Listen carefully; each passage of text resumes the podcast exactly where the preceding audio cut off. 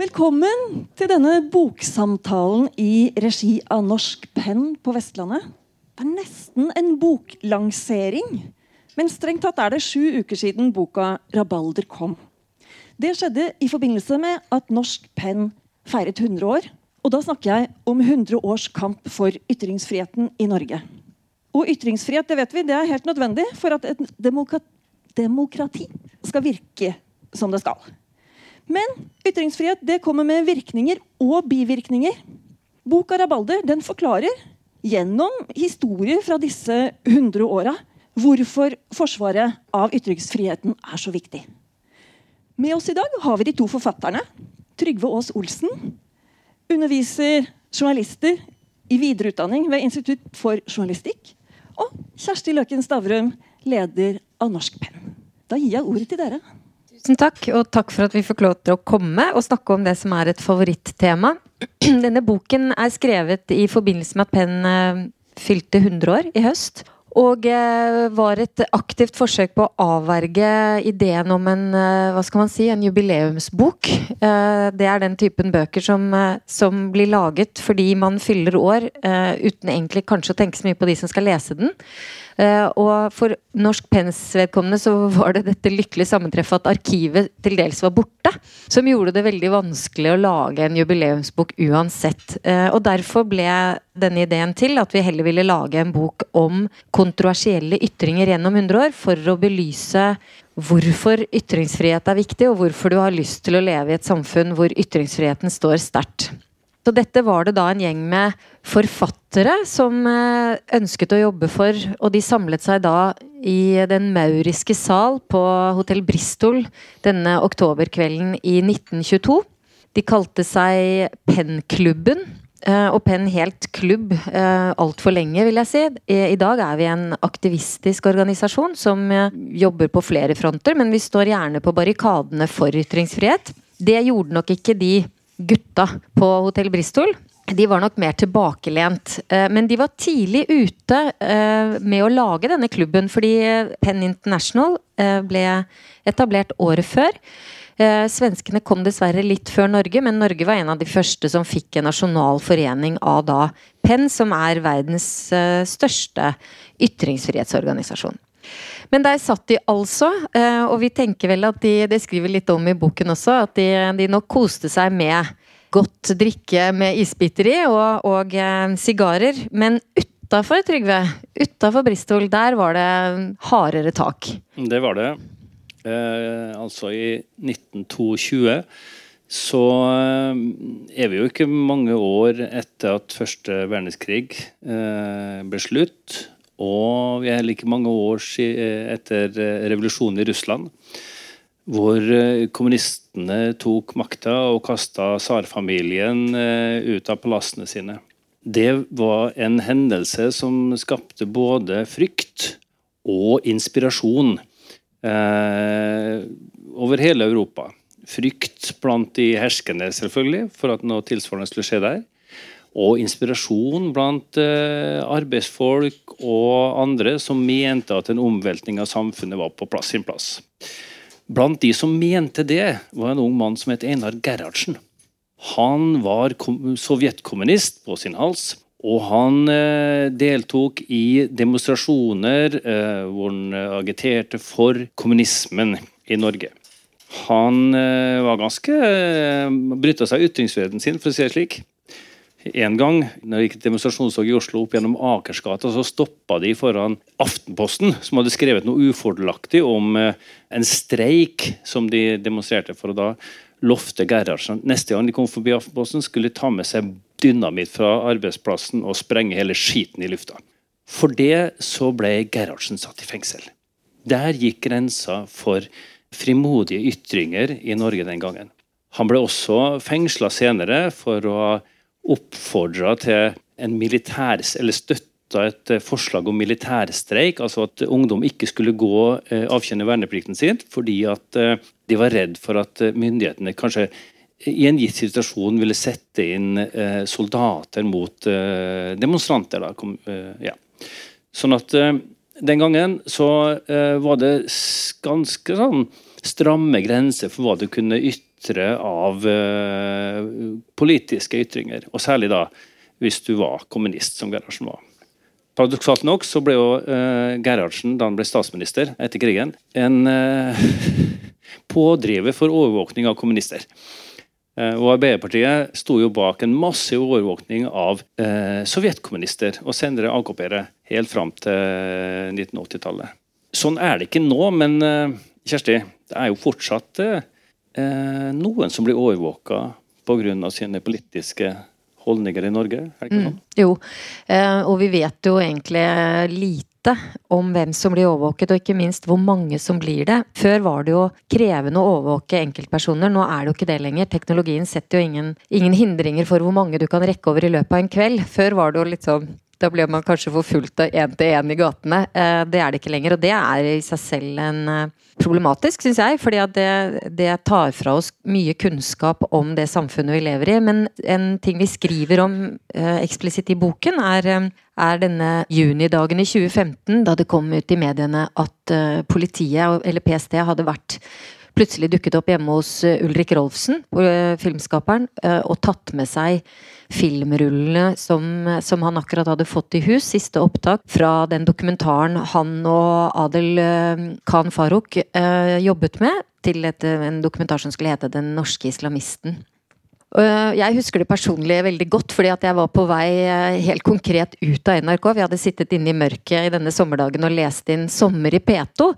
Eh, og da jeg gikk ut, så så jeg at det var et NRK-nummer som ringte meg på mobilen. Og, og, og da fikk jeg høre da at det, det, ble spurt om hva jeg mente om det. For da var jeg også generalsekretær i Norsk Presseforbund, og det var, må jeg innrømme, et spontant sjokk. Og jeg husker jeg sa at sånne ting skjer ikke i Norge. Det skjer i land vi ikke liker å sammenligne sammenligne oss med. Og Det sa for øvrig Ulrik eh, senere, at da han hørte at jeg sa det, da våkna han. Eh, han, hadde, han kommer fra en kultur med mye større tillit til politiet, har han sagt. Og han følte jo at han hadde gjort noe galt.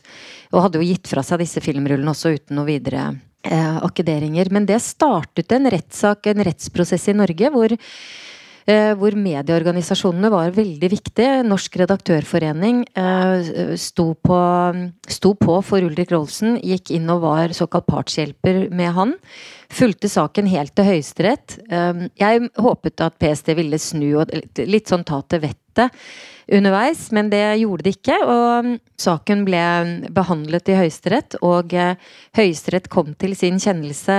Og da husker jeg Ulrik var nokså berørt av det, så han måtte filme det hele. Så han står i hjørnet i Høyesterett og filmer eh, når eh, Og det var jo storkammer også, så det var jo litt sånn hele Høyesterett som, som talte, fordi det var en veldig viktig sak. Det var jeg tror det er vanskelig å se for seg en sak som setter ting så på spissen i vår tid. Det var et spørsmål om vern av kilder, pressens kilder, opp mot rikets sikkerhet, egentlig.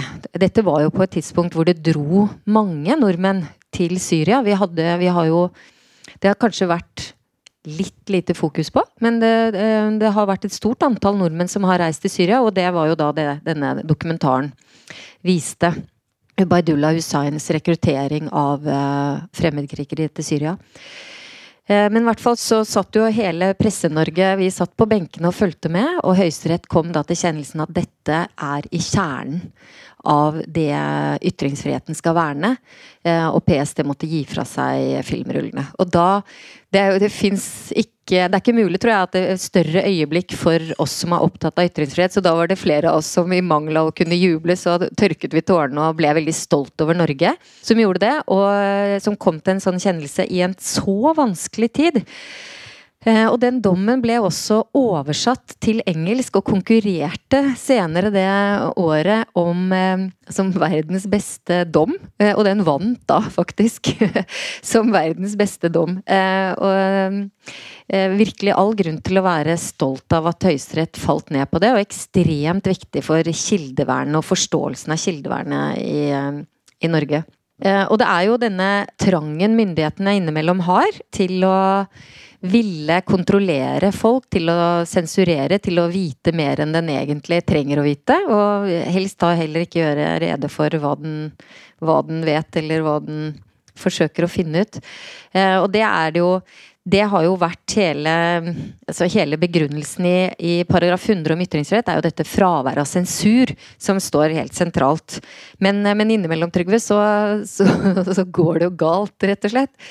Ja, ja, det gjør det. Og vi har jo hatt sensur i Norge, på sett og vis. Vi hadde jo filmsensur, og, og vi hadde sånne konsesjonsregler for hvem som får lov å, å lage radio og TV. ikke sant? mange, når jeg ser utover her, så fornærmer jeg ingen når jeg sier at mange av dere har levd i et land hvor det bare fantes én radiokanal og én TV-kanal, og de var begge eid av staten. I dag, tenk, Den gangen så tenkte vi kanskje ja, men det var noe veldig bra.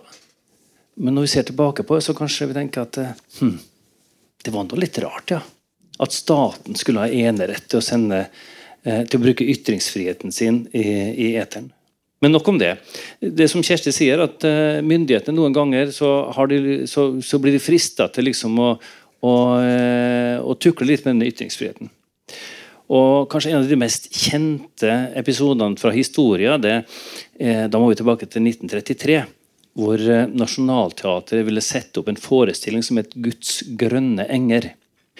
Det var et, et prisbelønt teaterstykke fra USA. Det er Eh, hadde vunnet eh, hva heter den, eh, Tony Award eller hva det var for noe, og gått på Broadway og på turné osv. Den, handla, den, den handlinga er satt til sørstatene i et svart nabolag.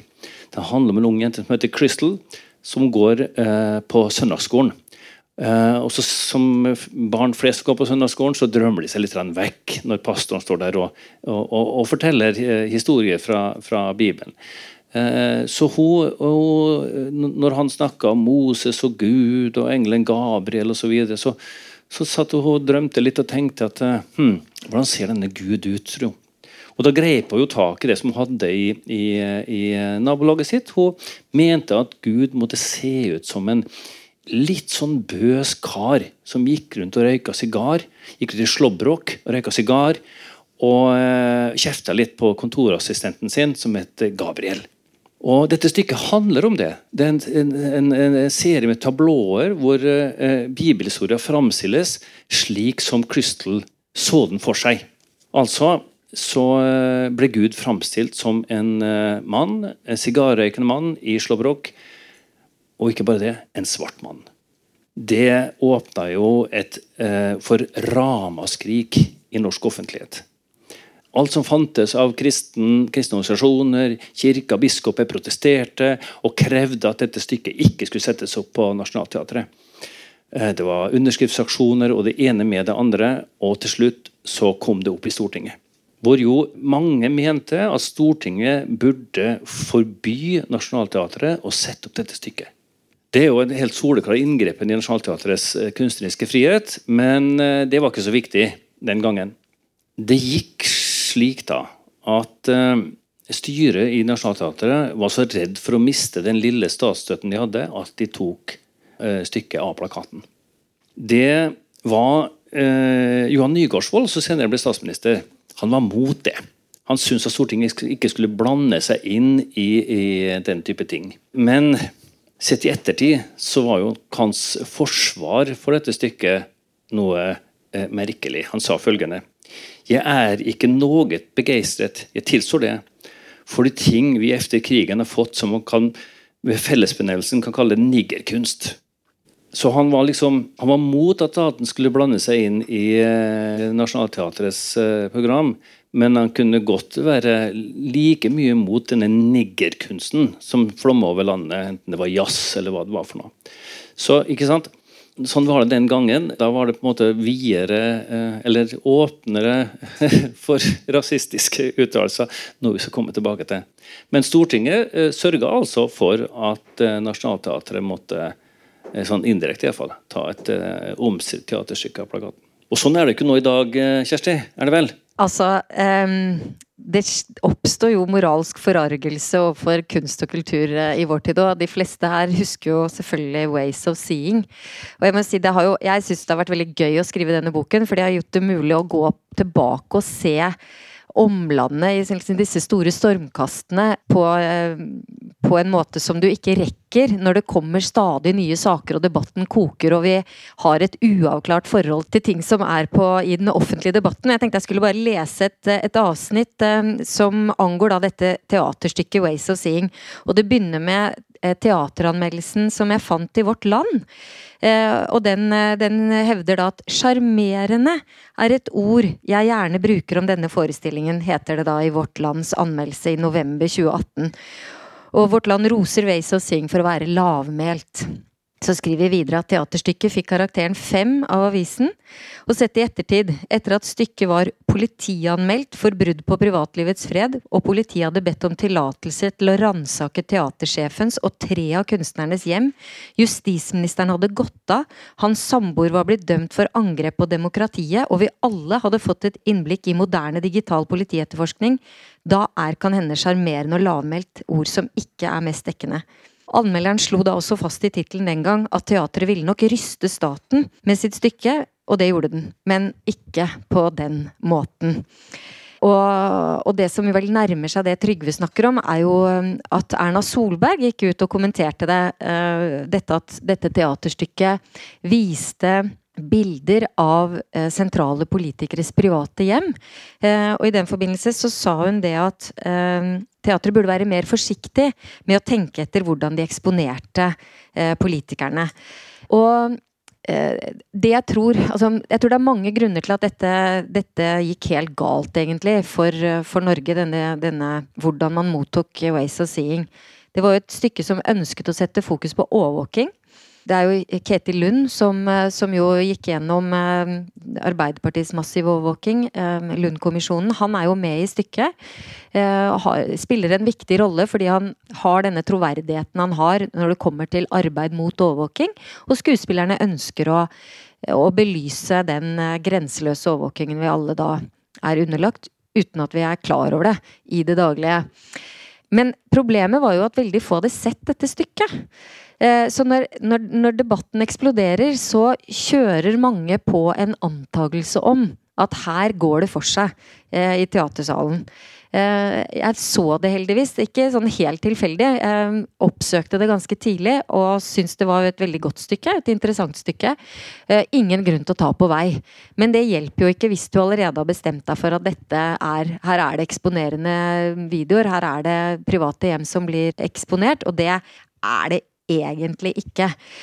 Men det er jo fullt av paradokser, eh, hele greia. fordi at det som jo til syvende og sist skjer, er at når det da viser seg at det er justisministerens eh, samboer som selv iscenesetter angrep på seg selv som angivelig skal være generert av denne eksponeringen av privatlivet som dette teaterstykket har foranlediget, så er det jo nettopp overvåking som gjør det mulig å avsløre den kriminaliteten. Eh, og akkurat det ble nok hengende litt, tenker jeg, i, i ettertid. Men, eh, og jeg skulle nok gjerne sett at noen snakket med de som sto bak teaterstykket, om, om også overvåking kan noe for seg eh, innimellom. Selv er jeg veldig i tvil om hva som egentlig, hva som egentlig legitimerer en så inngående overvåking som, som, de er i stand til å gjøre. Og jeg ser at, at terskelen legges stadig lavere for når man bruker f.eks. elektroniske spor for å oppklare kriminalitet. Men retrospektivt en helt vanvittig historie som ligger veldig nært eh, opp til vår tid. Og eh, Erna Solberg er jo blitt mange ganger blitt bedt om å beklage sitt angrep på teatret. Det har hun ikke gjort. Det er jo mange ting i de siste hundre åra som eh, altså Ytringsfriheten har jo jevnt over blitt, blitt større og bedre. Men som dere alle vet, så var det jo fem mørke år under krigen hvor ytringsfriheten i praksis var borte. Og Det sies jo at det første offeret uh, i en krig, det er sannheten. Og Måten man tar livet av sannheten på, det er å kvele ytringsfriheten. Når du ikke har lov til å ytre deg, så uh, er det helt åpenbart at sannheten ikke kommer fram. Da er det dårlige vilkår for sannheten når det bare liksom er de som er måte, godkjent av uh, myndighetene som får lov å, å ytre seg. Og Sånn var det under krigen. Eh, det var ikke sånn at eh, som dere vet, altså Det var ikke alle medier eksempel, aviser som ble nedlagt, men de som fikk fortsette å komme ut, de fikk komme ut med eh, redaktører innsatt av Nasjonal Samling. Her i Bergen så var det jo en del aviser som gikk inn. Eh, Gula Tiden, Bergen Arbeiderblad. Eh, men Bergens Tidende kom ut gjennom hele krigen. Det ble det strid om etterpå. Rett for Bergens ble det ment at Bergens Tidende hadde vært en stripete og en kollaboratør med, med myndighetene. NS-myndighetene den gangen. Det som var spesielt i Bergen også, var at um, i Bergen var det veldig mange som drev med illegale aviser. Det var mange illegale aviser i Bergen. De ble eh, stensilert opp, de ble håndskrevet, de ble eh, altså, eh, trykket og smugla ut osv. Det var veldig mange modige mennesker i Bergen som eh, tok risken på å trosse eh, sensuren og prøve å informere folk om hva som virkelig skjedde. Og mange fikk eh, Det fikk store konsekvenser for enkelte også. Den første nordmann som ble henretta eh, pga. den type illegal virksomhet i Norge, det var eh, Ingjald Garbo, en eh, lektor fra Bergen. Som var far til stortingsmannen eh, Gunnar Garbo. Og eh, flere andre fra Bergen også ble arrestert og sendt i eh, nazistenes dødsleirer fordi at de drev med illegale aviser og annet motstandsarbeid. Eh, og det er jo sånn, Kjersti, at eh, i autoritære stater så eh, De kan være autoritære på forskjellig vis, men én ting som er felles for dem, er at eh, ytringsfriheten er sterkt begrensa. Ja, det vil jeg absolutt si. Det er jo mm, Hvis det sannferdige ryker i, er det første som ryker i krig, så, så er ytringsfriheten det første som blir, eh, eh som blir innskrenka eh, når noen forsøker å tilta seg makt utover det som f.eks. et liberalt demokrati legger opp til. Og mm, det er jo et beklagelig faktum at vi eh, i Penn i dag jobber vi jo mot land vi ikke trodde at vi skulle være aksjonister eh, i. Eh, men et av de som kanskje er mindre overraskende, men likevel, er jo Tyrkia. Tyrkia er det viktigste er det, det landet norskpennen jobber mest, mest, i. Vi har fulgt rettssaker i mange år, og, det har vært en ganske viktig måte å, å agitere på, fordi at vi har fått da vi har lært å kjenne et eh, system som selvfølgelig er helt vilkårlig. Jeg har vært til stede på noen rettssaker selv også. og det, det, det bringer deg veldig nært eh, maktmisbruket, og du blir veldig opprørt eh, fordi det blir så konkret. ikke sant? Der sitter den tiltalte, det er en dommer der, det er en tiltale som Den ene gangen jeg var der, så hadde det gått så fort i svingen at de leste opp navn på han som hadde vært i retten før. Eh, altså ikke han som satt der nå, men eh, de hadde bare tatt en rask copy-paste. ikke sant? Og det, det, blir alt dette blir en Det blir både absurd og også veldig dypt sørgelig. En av de sakene jeg var på, så, så var det også stor mobilisering fra utenlandske diplomater, som er en veldig fin ting. Det er en måte verdenssamfunnet, eh, som jeg tror er lite kjent, men som verdenssamfunnet melder seg på, er at de da kommer med diplomater og er til stede i rettssaken og er der. Så dommeren ser at der er det folk fra, fra andre ambassader og konsulater, og det er det ofte da i Tyrkia. Og den ene gangen da Osman Kavala, som er egentlig en som sikkert mange har hørt om, en veldig kjent uh, filantropist uh, i, uh, i, Tyrkia, som angivelig er fiende nummer to etter Gylen for, for, Erdogan. når han kom ut av denne slusen i dette massive Silivri-fengselet hvor rettssaken fant sted, og ingen hadde sett han på et halvt års tid, vel, og han løfter liksom, hånda for å vise at det fortsatt var kraft i han, så så jeg disse diplomatene tørket tårene. Veldig, veldig sterkt. Det vi har gjort i Penn, er at vi da i fortvilelse egentlig begynte å se litt nærmere på disse tiltalene og hvilken beskaffenhet de var i. Oversatte dem fra tyrkisk og, og sendte de til menneskerettighetsjurister, og jurister som også kunne tyrkisk eh, rett.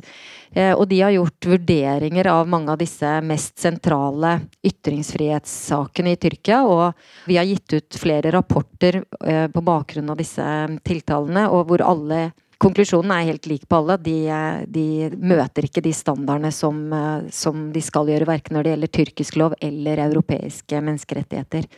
Da kan jeg altså legge til at det er faktisk en av de gangene Vi pleier også ofte å oppsøke ambassader for å protestere, men den første rapporten, da ble vi innkalt til den tyrkiske ambassaden, og da satt vi der skolerett i tre timer, og da tenkte jeg at her har vi truffet en nerve. Eh, så det var i hvert fall noe. Ja. Men eh, nå har vi vært da gjennom krigen og, og gjennom eh, diktaturer, men eh, ytringsfriheten får jo hva skal man si, får testet seg på, på mer trivielle, men eh, ja. Ja da. I fredstid også. Straks krigen var over, så begynte jo nordmenn å krangle om det som de vanligvis krangler om, nemlig eh, religion og sex. Eh, gikk jo ikke så lang tid etter krigen før myndighetene begynte å bli eh, alvorlig bekymret for eh, seksualskildringer i litteratur. Da hadde de vært bekymret for seksualskildringer i film veldig lenge. I stumfilmens tid så sensurerte de til og med sånne tekstplakater. som, som I stumfilm så var det slik at det var noen bilder, og så var det en dialog på tekstplakat. og Hvis det var et eller annet vovet der, så strøk de ut det også. Men altså litteratur. Eh, dere kjenner kanskje til Mykle-saken her i Bergen. Sangen om Den røde rubin den handler jo henter mye av sin handling fra Bergen. Eh, det var en roman med ganske saftige sexskildringer. Og eh, ikke bare det, men eh, den handla jo også Ja, den hadde jo levende modeller, da. Det var noen kvinner fra Bergen som var omtalt i denne boka til Mykle. Det var det ikke så mye snakk om den gangen. For det, det, det var ingen som torde å stå frem og klage, sånn som vi gjør i dag. Men i alle fall, riksadvokat Auli bestemte seg for å gå til sak mot Mykle fordi at han hadde begått utukt, som det het, i denne boka. Og Han hadde jo en mistanke om at det kom til å skje for uh, Mykles ti, uh, den boka som kom før, nemlig eh, 'Lassorun fru Luna'. Den hadde også noen sånne sexskildringer som var liksom på alerten. da. Uh, så uh, det kom sak, og den gikk opp til Høyesterett. Og da den skulle prosederes i Høyesterett, så hadde uh, Riksadvokaten satt seg ned og nilest skikkelig eh, Lassorud fru Luna og Rubin for å kunne dokumentere at det var for mye utukt i Rubin. Og Da sier han til Høyesterett nå har han altså eh, satt ned og lest disse bøkene nøye og streket under det som, var, det som han mente var overkanten. Det viser seg da at Rubin overgår lassoen nettopp når det gjelder samleier bakfra, på sengekant, bordkant eller lignende, eller hvor kvinnen har løftede knær samt med hensyn til detaljer som ereksjon og sekresjon, lukt og smak av kjønn, vaginale og lignende kvinnelige særegenheter. Kort sagt når det gjelder det mest obskøne, pikanterier, raffinementer. Sammenligner man derimot antall ordinære samleiestillinger og mindre ømtålige detaljer som beføling av kjønnet og hikst eller stønn under samleiene, viser det seg at bøkene er noenlunde jevnbyrdige. Så her satt også den øverste representant for norsk påtalemyndighet og talte samleier. Og begge de bøkene er ganske tjukke. ikke sant? Så han satt og telta Hvor mange var bakfra, hvor mange var forfra, hvor mange var mot bordkant, og hvor mange var, og hvor mange hikst og stønn var det. Sånn var det altså den gangen. Eh, Mykle ble kan vi si heldigvis da, eh, frikjent i Høyesterett. Men eh, prosessen ødela hans forfatterskap. Han kom aldri tilbake igjen. Han skrev selv at han følte at han satt og skrev, så satt det representant for påtalemakta på skuldra hans og passa på at han ikke gikk over eh, grensa. Og det Ja, da ble jo hans altså, hans kunstneriske evne ble sterkt begrensa av det. Så det var egentlig slutten på Mykles karriere som forfatter. Han gikk ut noen bøker, men uh, ingenting uh, i nærheten av eh, 'Sangen om den røde rubin', som i ettertid jo er en norsk klassiker. Og det er jo sant, til ettertanke dette at man da klikker på én eller to bøker og gir det i massiv oppmerksomhet, og selvfølgelig da også flere lesere enn de bøkene kanskje ellers ville hatt i datiden, i hvert fall. Mens vi nå i vår tid, hvor vi har internett, som jo renner over av tilgang på på sex og, og, og så, samleier, så har vi bare gitt opp, sannsynligvis. Det er i hvert fall veldig få saker mot internett og tilgang på Og er ingen teller samleier, nei, det gjør man ikke.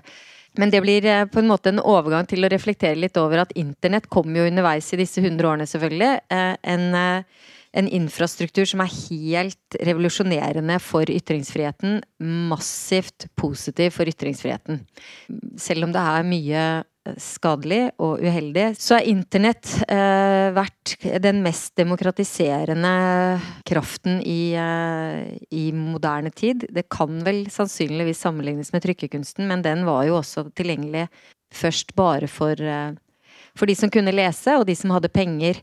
Eh, men jeg tenkte, vi har, eh, I boken har vi noen tekstbidrag fra folk som har stått i det. Anders Heger skriver litt om uh, hva dette førte til for Mykle. Han er jo en Mykle-biograf.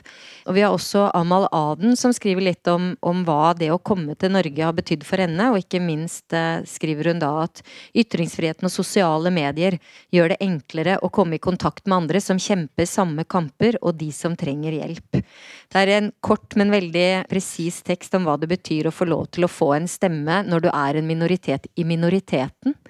Eh, og hvor ekstremt eh, komplisert det er. For henne som da eh, er både skeiv og, og, også fra, fra Somalia. Men som har tatt for seg, og så skriver hun mange ganger har jeg følt meg alene i kampen, men ingenting kan måle seg med friheten. Derfor er jeg glad jeg har valgt å ytre meg. Eh, selv om det jo helt åpenbart har kostet, og det har også kostet uh, Shabana Rehman, som vi skriver om. Hun er den som åpner 2000-tallet i, i, boken. Det skjer uh, interessant nok sett tilbake i januar 2000. Det er det tidspunktet Shabana da lar seg male i det norske flagget og på en måte eier Dagbladet Magasinet på lørdag eh, og sier at jeg eh, elsker Norge. Eh, og det var Jeg snakket med fotografen som tok det bildet, Alexander Nordahl, og han husker jo selvfølgelig bildet veldig godt, men det som har gjort mest inntrykk på han i ettertid, er jo de reaksjonene Shabana fikk. Fordi at det var jo ikke noe, som han sier, det var ikke noe Photoshop da, den gang. Og da, da, var, da var, det, det det, det du så, var det du så. Det var ikke noe de kunne pynte på eller fjerne i, i etterkant. Eh, og, og, det som jo særlig har gjort inntrykk på han, er jo det, den hetsen hun fikk fra sine egne, da, hvis man kan si det, si det sånn. Men jeg tror heller ikke Shabana angrer på det hun har gjort. Eh, snarere tvert imot. Nei, og det er jo det med eh, Det som Shabana ble angrepet for, var jo at hun ja, brøt liksom normene og tabuer, og tabuer ja. blant sine egne. Og det har vært en sånn gjenganger i historien om norsk ytringsfrihet. Det med å uh, trå over sømmelighetens grenser, eller uh, liksom religionskrav, uh, eller kirkas bud, eller hva det måtte være. Eh, jeg snakka om Guds grønne enger i stad. Eh, det, det, som skjedde etter at eh, altså da, da, protestene mot Guds grønne enger var på sitt sterkeste, var at forfatteren Arne Øverland satte seg ned og skrev et foredrag. Og Det kjenner dere sikkert til. Det heter 'Kristendommen den tiende landeplage'. Foranledningen for det var altså denne protesten mot Guds grønne enger. Der eh, skriver jo Øverland om denne striden om hvordan Gud egentlig ser ut. Ikke sant? Altså, eh, Kirka var helt sikker på at han røykte ikke sigar. Han hadde ikke slåbrok, og han var ikke svart i huden. Det, det, hadde, det, det var helt åpenbart at han ikke var det. Og Så begynner eh, Øverland å, å fabulere litt av hvordan, hvordan ser egentlig Gud ut. Så skriver han Gud er et vesen som i utvortes henseende ligner på oss. Vi er skapt i hans bilde. Han er en mann. Han har meget hår og især skjegg. Han har nese og munn og, og, tarmkanal, tror jeg da. Og for alt hva jeg vet om han, har han vel også kjønnsorganer. Eller har han kanskje ikke det?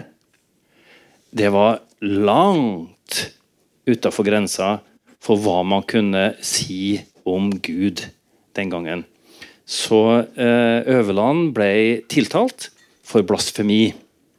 Og også frikjent, men med aller minste margin. Den gangen var det slik at det, eh, jury, eh, det var en jury på ti.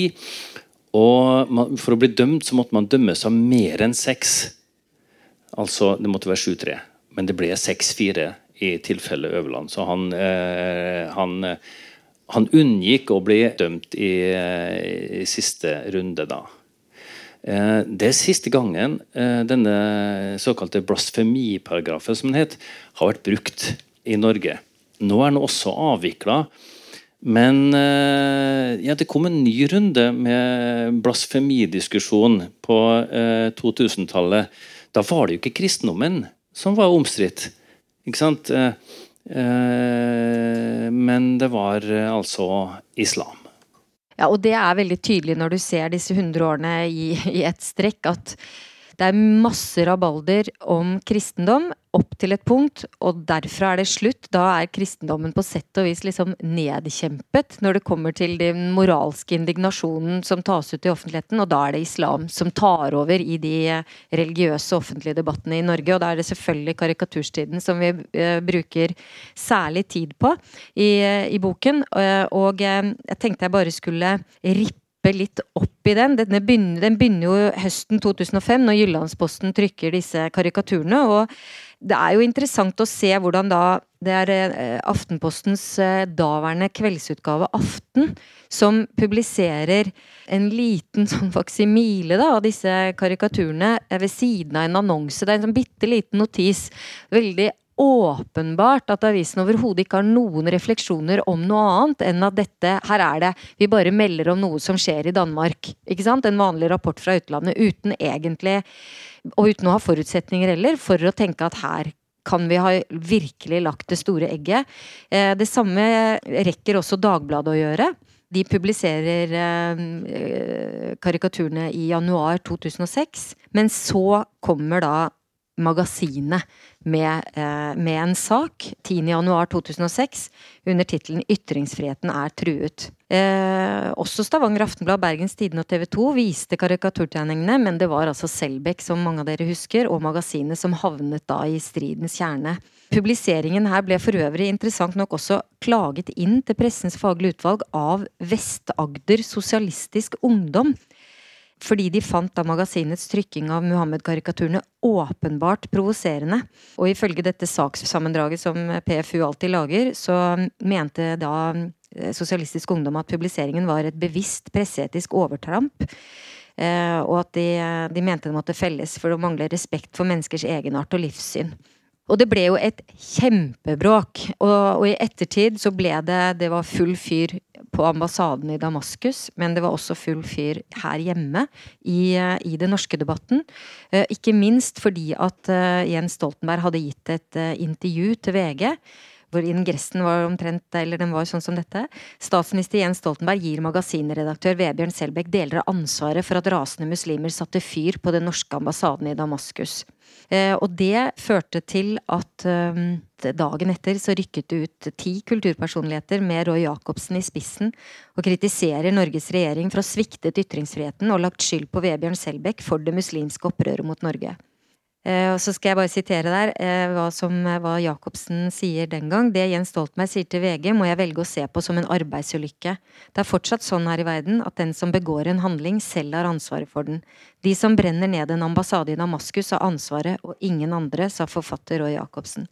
Man vil også se, når man går gjennom historien, at Roy Jacobsen er en person som ofte står i ytringsfrihetens eh, første kamptropp. Eh, det gjorde han jo også da Forfatterforeningen undertegnet et opprop mot Ytringsfrihetskommisjonen i fjor sommer. Da meldte han seg ut av Forfatterforeningen pga. det.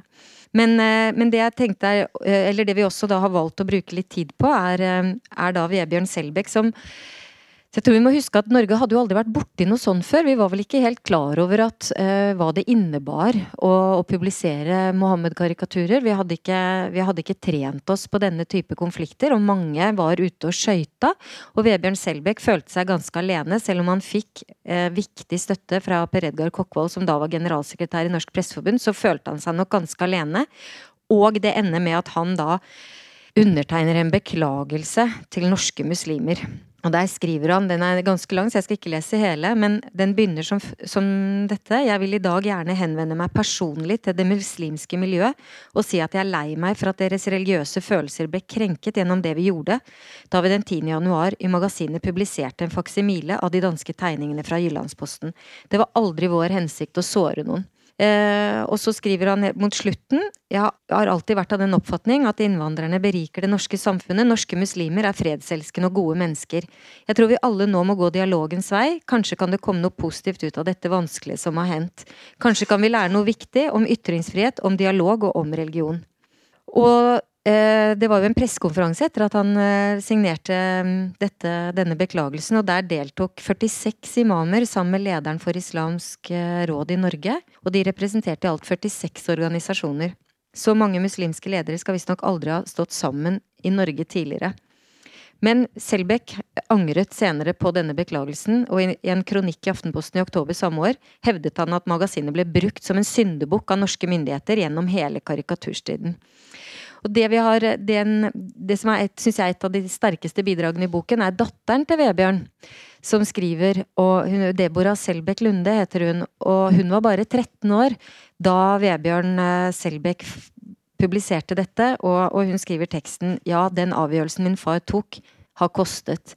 De måtte jo eh, flytte fra barndomshjemmet eh, den kvelden hvor dette eksploderer, og og hun blir jo også på et tidspunkt eh, bedt av politiet om å passe seg og se over skulderen sin. Eh, I tilfelle. Og det har Hun har aldri vært i tvil om at det var riktig å publisere det, men det har selvfølgelig også gjort noe med henne, som hun skriver om, som, som fortsatt er der. Så ytringsfriheten har sin pris, og det er jo egentlig det Det er det jo flere innlegg i boken om, men ikke minst da for, for familien Selbekk. Ja. Og det Selbekk beklaget, var jo at det krenket muslimer. Og disse krenkelsene det er jo det, Blasfemi handler jo om å krenke noens tro. Eh, og, Krenkelser har også vært en sånn rød tråd gjennom historien om norsk ytringsfrihet. Det er alltid noen som føler seg krenket. ikke sant? De blir krenket av at, Jesus, eller at Gud skulle ha på seg slåbrok. De blir krenket av uh, Mykles uh, romaner osv. Eh, kanskje det mest komiske Men på et eller annet tidspunkt så, så forsvant litt av krafta ut av disse krenkelsene. Eh, og kanskje det mest sånn kjente eh, eksempelet på det var jo da uh, filmsensuren forbød Monty Pythons film 'Life for Brian'. Som jo er en, en hysterisk morsom, klassisk film. Men i Norge så mente man at den krenket kristne menneskers følelser etter hvert så ble det, Filmen var jo omstridt i mange land, etter hvert, men etter hvert så ble det norske filmtilsynet liksom ganske alene om å ville forby den. Den ble markedsført i Sverige som filmen som er så morsom at den er forbudt i Norge. Eh, og Til slutt så trakk jo også Filmtilsynet sin, eh, sin, eh, sitt forbud mot at det ble liksom satt opp en sånn plakat eh, foran visningene av filmen hvor det sto at Filmtilsynet har snakket med eh, Monty Python da, og har fått deres eh, lovnader om at denne filmen den handler ikke om Jesus Kristus. Og Det var jo et av de mest morsomste innslagene. på, Jeg husker jeg så den på premiera. Hele salen brøt ut i spontan latter etter å ha lest denne greiene fra Filmtilsynet. Så verden går litt framover. Siden så er det ingen sånne filmer av den typen der som har blitt forbudt. Det var, en, det var en lærepenge for, uh, for Filmtilsynet. Omtrent på samme tid så noen av dere husker kanskje også at vi hadde en humortrio i Norge som het KLM. Kirkvaag, Lystad, Mjøen. De hadde veldig morsomme prester.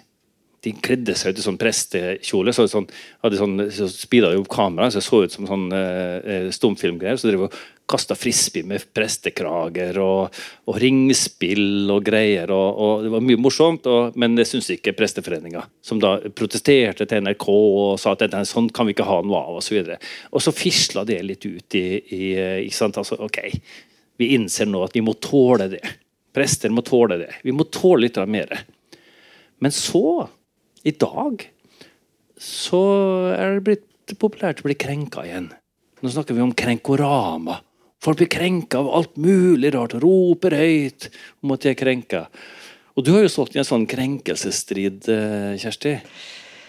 Ja, altså... Det er noen som ble krenka av noe du gjorde som leder av Ytringsfrihetskommisjonen?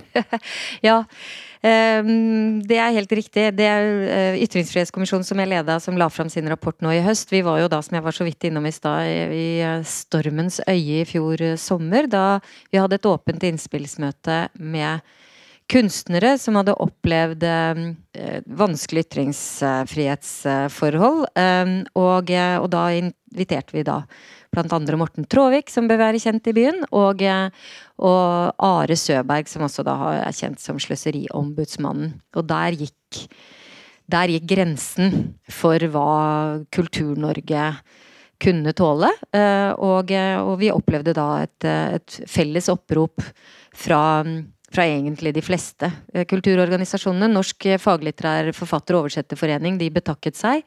Eh, og så var det vel noen som, eh, som ikke det var en sånn Si fra hvis du ikke vil undertegne. Så det var vel et par, en, en organisasjon til som, som, ikke, som, som, ikke, fulgte med helt i timen, da. Men, og så endte Forfatterforeningen med å trekke underskriften etter at de hadde hatt en en eh, avstemning blant medlemmene sine, og det var et klart flertall for å trekke underskriften mot Ytringsfrihetskommisjonen.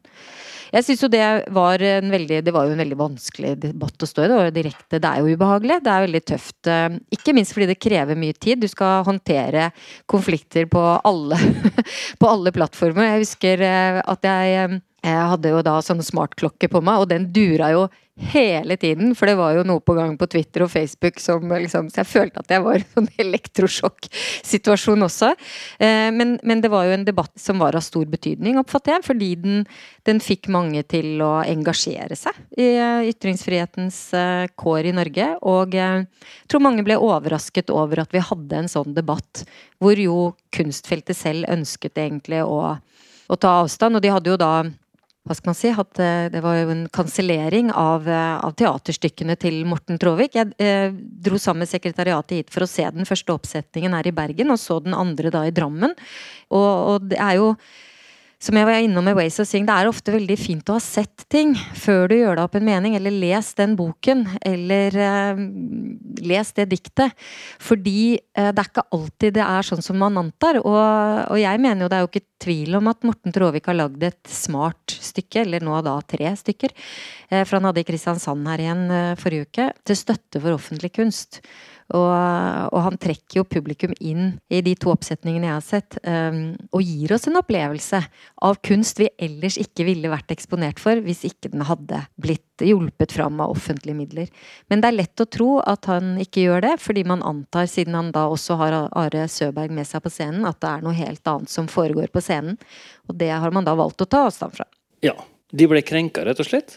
Ja, altså det var jeg... som følte at uh, de ville ikke de, de delta i uh, komme med bidrag til Ytringsfrihetskommisjonen osv. fordi at noen de ikke likte, eh, også fikk delta i innspillsmøter osv. Uh, det er jo en tankekors at kunstnerorganisasjoner, som jo strengt tatt jobber for kunstnerisk frihet, ender opp med å ville mm, advare mot andres frie ytringer. Og det tilhører nok litt det at man, hvis man ikke har uh, stått i striden uh, og, og, trent sånn som f.eks. medieorganisasjonene, som på en måte er på ytringsfrihetssats hver dag, hvor du eh, er helt oppe i randsonen flere ganger om dagen, hva kan vi publisere, hva, hva kan vi ikke publisere, så, så, er det jo lett å, å, trå feil. Jeg er ikke så glad i uttrykket krenke, for jeg syns jo at det er, det er jo per deff litt nedsettende. Men at det er, og det viser boken, det er eh, ikke alltid så lett å gjenkjenne. Så eh, ja, det er fortsatt rasisme i Norge i dag, men eh, historien om den norske statens rasisme overfor eh, minoriteter i vårt eget land, altså før innvandringa kom, den er ikke mye å være stolt av. Dessverre. De mista språket sitt de mista sin Og målet, målet var å, eh, å assimilere den samiske befolkninga i den norske. Og den boka her er full av eksempler på hvordan eh, offentligheten, skoleverket, kirka og andre hvordan de omtalte den samiske kulturen som eh, noe mindreverdig eh, som egentlig eh, det, det gjaldt å bli kvitt så fort som mulig. Eh, kvenene, som altså er eh, finske innvandrere til Norge, de ble utsatt for eh, den samme si, sensuren på det språklige området.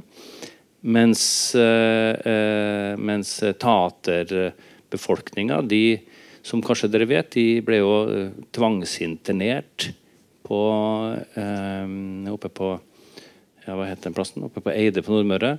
Svanviken, hvor de eh, fikk beskjed om at hvis ikke de bosatte seg fast og slutta å reise rundt og praktisere sin kultur slik som den hadde vært fra alle tider, så ville staten ta frem barna deres.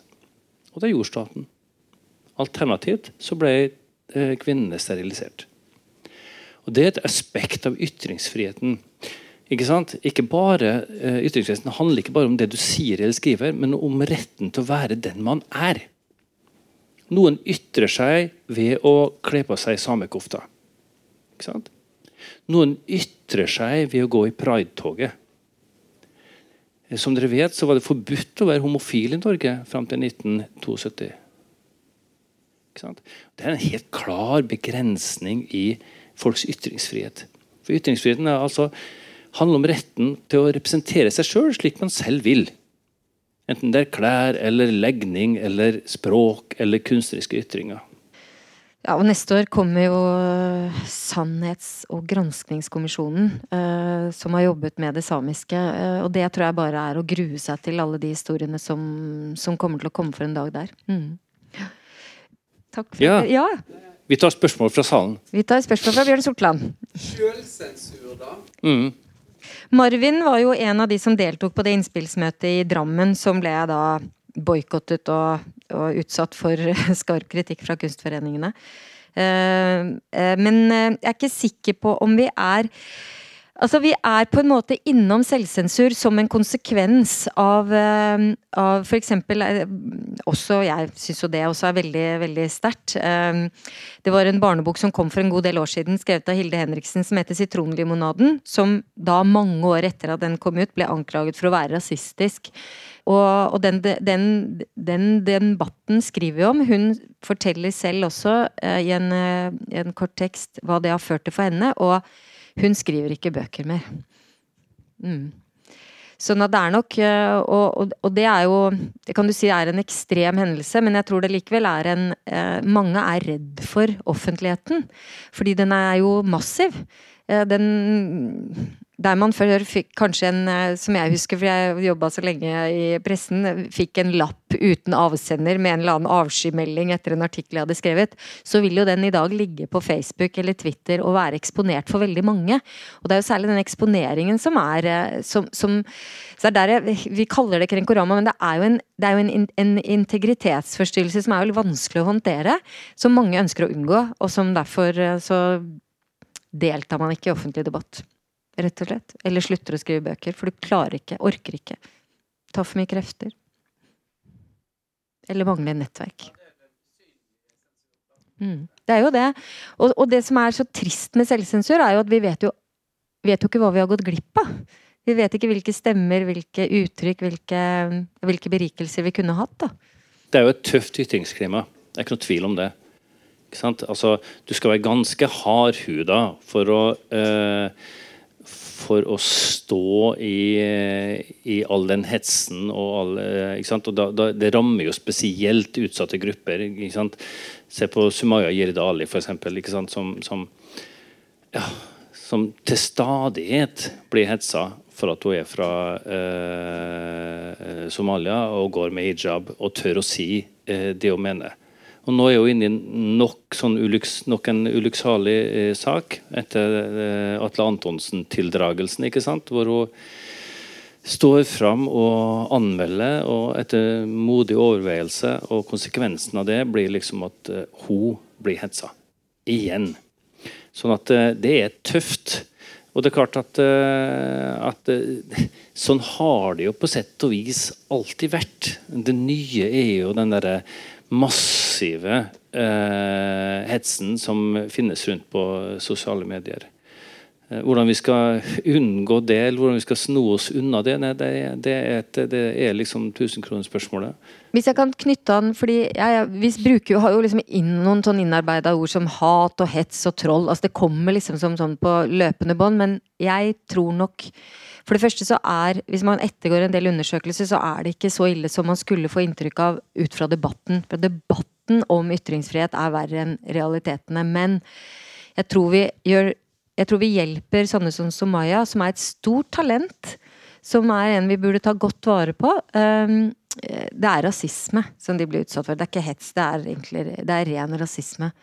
Eh, og i høst kom eh, Bjørn Vestli, som har jobbet mye med, med ja, avisen under krigen. Han kom med en veldig interessant bok, syns jeg, fra 30-årene, hvor han går etter ikke de, ikke de på en måte de, Ikke NS-folkene og ikke folk som hadde posisjoner som var antisemitter, men, men han ser på hverdagsrasismen og ser hvordan åpenbar antisemittisme i avisene, hvordan det egentlig legger grunnlaget for tyskerne og, og den egentlige eh, antisemittismen og deportasjonen av jødene, fordi eh, vi er så vant til det. Vi tenker ikke over de ytringene. De, de er i eh, Sankt Olav, altså tidsskriftet Den katolske kirke, det er i Aftenposten, det er ikke minst i Nasjonen og ingen sier imot. Og det er det som også er blitt en viktig debatt, tenker jeg, i forbindelse med Sumaya Jirdali. Vi må ta til motmæle.